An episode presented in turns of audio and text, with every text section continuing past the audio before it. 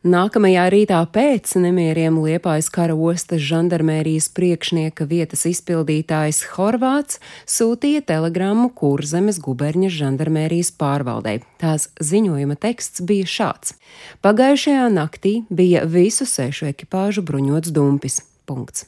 Šaušana ar zalvēm visos virzienos. Punkts. Ir ievainotie un nogalinātie. Punkts. Daļa dumpinieku izrāvās uz liepāju. Punkts. Izsaukts karaspēks. Punkts. Ieročus nepielietojām. Punkts.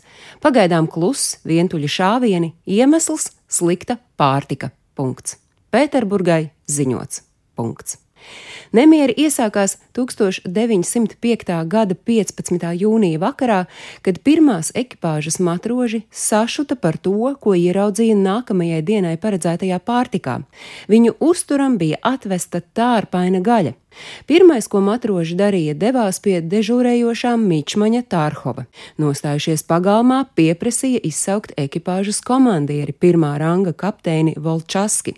Tai dienā ostā dežūrēja 15. ekipāža, un tās pirmā ranga kapteinis Kuprejānovs pavēlēja izsaukt apbruņotas savas ekipāžas rotas un kopā ar Volčaski ieradās pie pirmās ekipāžas.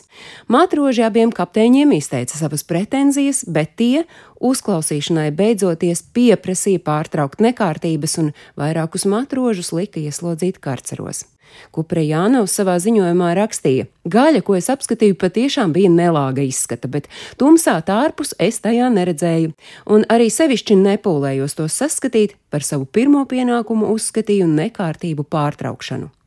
Ostas komandieris Ireckis, kad ieradās karaspēka papildspēki, pēc dažām dienām šifrētā telegrammā jūras lietu ministrijai ziņoja, ka ir sastādījis ar pulka komandieri dislokāciju un sīki iepazīstinājis viņu ar ostas izvietojumu tādam gadījumam, ja pūlis, proti strādnieki pievienotos matrožiem.